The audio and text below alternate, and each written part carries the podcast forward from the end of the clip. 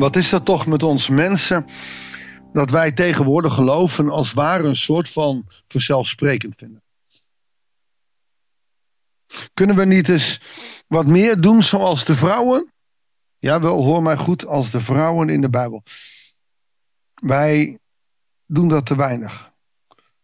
Je ziet bij verschillende vrouwen, dat zie je nu bij Hanna, dat zie je bij Maria, dat zie je bij Elisabeth, dat zie je bij Mirjam als ze uh, door het water heen zijn. Wat ze gaan doen is een lied schrijven. Is, is een danklied gaan schrijven. Is een lofprijzing gaan schrijven. En ik hoor meteen een hoop zeggen, oh dat kan ik niet. Ik kan je één ding zeggen. Je kan het wel. Laat me één ding zeggen. Je hoeft het niet uit te brengen. Je hoeft niet allemaal een psalmenboek te schrijven. Helemaal niet. Maar ik daag je uit. Om een stuk pen en papier te pakken. En je gevoel op papier te zetten. In eerste instantie hoeft dat niet ritmisch, hoeft dat niet te rijmen, hoeft dat niet. Gewoon je gevoel op papier. En, en zo aan het begin van het jaar daag ik je uit, ook al zit je diep in de shit, want ik heb luisteraars die ook diep in de ellende zitten. Maak daar dus een dankgedicht eh, of een, een dankbrief van. Doe het eens in een brief. Heer, ik dank u wel voor alles wat u wel aan mij doet. Wel aan mij klinkt dan meteen al. Er zijn ook dingen die u niet doet. Of ik heb het gevoel dat u me zo vaak in de steek laat, maar soms zie ik toch iets moois in u. Gewoon dat soort zinnen. En, en het hoeft niet te rijmen. Het hoeft niet, uh, het hoeft niet een ritme te zijn. Het kunnen korte zinnen zijn. Het kunnen een hele lange brief zijn. We zouden het vaker moeten doen. Niet om de wereld, want het hoeft allemaal niet in een gedichtenbundel. Maar om God groot te maken. Maar nog meer ook om uiteindelijk te groeien in je geloof. Want, lieve mensen, als het jou lukt om midden in de ellende of midden in je vreugde, midden in de drukte van de dag, God groot te maken. Door te danken voor wat je wel hebt, ook al heb je een heleboel dingen niet. Dan zal je merken dat je groeit in je geloof. En dat je, dat je sterker wordt in je geloof. Meer nog dan wanneer het goed gaat, zegt God, dank u wel voor alles. Ik daag je uit om van die vrouwen in de Bijbel nou eens de uitdaging aan te nemen. Want Hanna is helemaal niet zo, zo gelukkig. Ze heeft nu eindelijk een kind. Maar dat gaat ze ook weer afgeven. Nou heb je een kind en dat moet je teruggeven aan God. En zij doet dat letterlijk.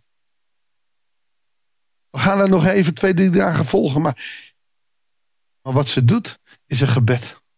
Dit keer niet mompelend, maar hardop. Een gebed waarmee ze God groot maakt. Waarmee ze ook door zorg en, en alle gevoel neerzet. En we gaan hem lezen en ik ga er wel wat van zeggen, maar ik daag jou uit. Om in deze dagen nou eens gewoon een dankbrief te schrijven. En als je het dan toch wil delen, mag je dat heus wel met mij delen. Ik ga er niet overal op reageren, maar dat hoeft niet. Gewoon voor jezelf. En, en als het nou bevalt, hè, pak een schrift, ga naar de Action. Koop daarvoor 1 euro een schrift. En doe één keer in de maand of één keer in de week of één keer wat, wat jou past. eens een danklied schrijven. Een loflied, een danklied. Ook al heb je niks te danken. Want je hebt wel wat te danken. Want je bent vanmorgen weer opgestaan. En ook al heb je pijn, verdriet, moeite en zorg. Je stond weer op. Je kon weer opstaan. Of je werd weer wakker. En er waren mensen die om je uh, gaven. En voor heel veel van ons ook. Je kon opstaan. Je kon weer naar je werk. Ik daag je uit. En, niet iedereen zal hier heel blij van worden. Maar ik weet zeker dat jij het kan. Ook al maak je heel veel. Als, als ik nu een psalm zou schrijven, ik heb het eens een paar keer gedaan. Dan maak je heel veel typfouten. Je hoeft het niet uit te geven. Laat die typfouten voor wat het is. Je geloof zal groeien. Ik zou nu haar zeggen, goeiedag, hartelijk welkom bij een nieuwe uitzending van het Bijbels Dagboek. Hanna die heeft een kind gekregen en, en wat ze doet is onmiddellijk naar God toe. Als ze in die tempel is en ze, als ze met Samuel in de tempel is, dan gaat ze bidden. Luister en bid met haar mee. Nu juicht mijn hart dankzij de Heer. Vier heft mijn hoofd zich op dankzij de Heer. Het is allemaal heel zware taal. Je mag het voor je eigen psalm in je eigen taal. Mijn mond spreekt vrijmoedig tegen mijn vijanden. Want dankzij uw hulp beleef ik vreugde. Hier zie je meteen wat er gebeurt. Als jij merkt dat je midden in alle tegenslag toch hebt, dingen hebt om te danken. Dan maak je dat krachtig en vrijmoedig tegenover mensen die tegenover je staan. Dat is, dit is, Hanna geeft hier een geheim weer. Wat ontzettend sterk is. In mijn zwakheid ben ik sterk. Dat zingen we ook wel met opwekkingsliederen. Geen is er heilig als de Heer. Er is geen andere God dan u. Geen rots is er als onze God. Gebruik toch geen grote woorden. Blaas niet zo hoog van de toren. Want de Heer is een alwetend God. Door hem worden onze daden gewogen. Oftewel, joh, ga niet praten. En hier heeft ze tegen Penina, de uh, medevrouw zeg maar, van, uh, van haar man. Die, die, ja, ik heb wel kinderen. Ik heb, en, tegen alle mensen die, die hoog van de toren blazen. Ik kan dit, ik zal dit. Doe dat nou maar niet. God weet alles. God ziet je hart aan. De boog van de held is al gebroken. Maar wie wankelt, weet zich gesterkt. Wie genoeg hadden, verkopen zich voor brood. Maar wie hongeren, worden verzadigd. Hier, wat zij hier doet, is het omdenken van Jezus. Zalig zij die verdrietig zijn. Zalig zij die honger hebben. Zij zullen verzadigd worden. Maar iemand die genoeg heeft, zij, ze verkopen zich voor brood en doen van alles wat raar is. Het gevaar van geld. Nou, daar kan ik uren op ingaan, maar dat redden we niet. De onvruchtbare baart zeven zonen. Maar wie veel kinderen heeft, verwelkt. Oftewel, het gaat er om de dankbaarheid. Heb je, nou gaat het om zeven zonen. Zeven is dat getal van de volheid. Maar ik heb wel eens mensen gehad. Ja, ik, ik heb maar één kind kunnen krijgen. Ja, ik ken mensen die geen kinderen hebben. Het kan altijd slechter, maar ga nou niet zitten klagen als je wat hebt. Maar ga dankbaar zitten wezen. Hanna die was onvruchtbaar heel lang en toch, toch heeft ze een kind mogen ontvangen. De Heer doet sterven en doet leven. Voert naar het dodenrijk en leidt eruit omhoog. De Heer maakt arm en hij maakt rijk. Verandert, vernedert diep en heft hoog op. Nou, theologisch ben ik het hier niet mee eens, maar dit is haar gevoel. God, God regeert, hij is de koning.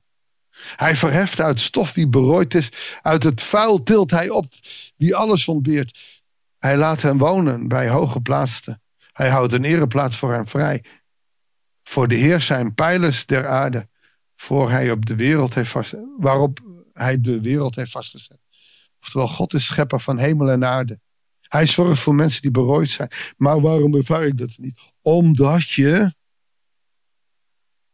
misschien wel niet God echt in relatie staat met hem. Dat is eng, want er zijn ook mensen.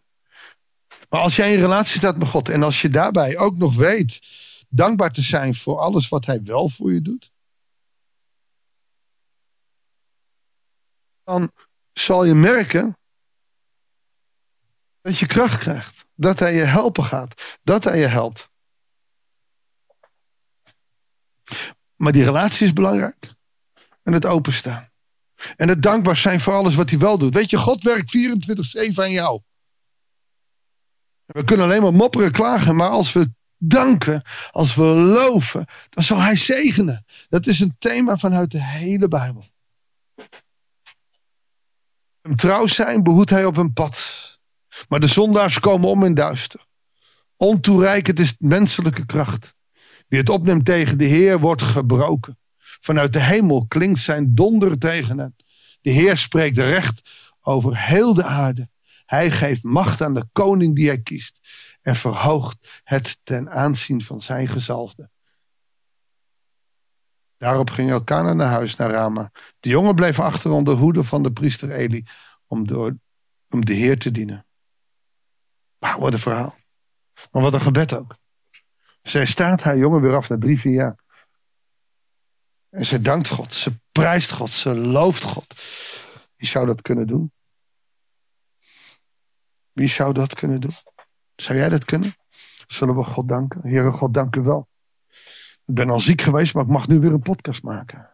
Er zijn mensen die het veel moeilijker hebben en toch kunnen zij ook dankbaarheid tonen voor wat u doet in hun leven. Heer, leer ons door de kracht van uw Heilige Geest om dankbaar te zijn voor wat, wat we wel hebben. Heer, dat we niet alleen maar blijven zoeken naar wat we willen hebben, maar dat we dankbaar blijven voor wat we wel hebben. Uw naam zij geloofd en geprezen van nu aan tot in eeuwigheid. Amen. Dankjewel voor het luisteren. Heel graag tot de volgende uitzending van het Bijbelsdagboek.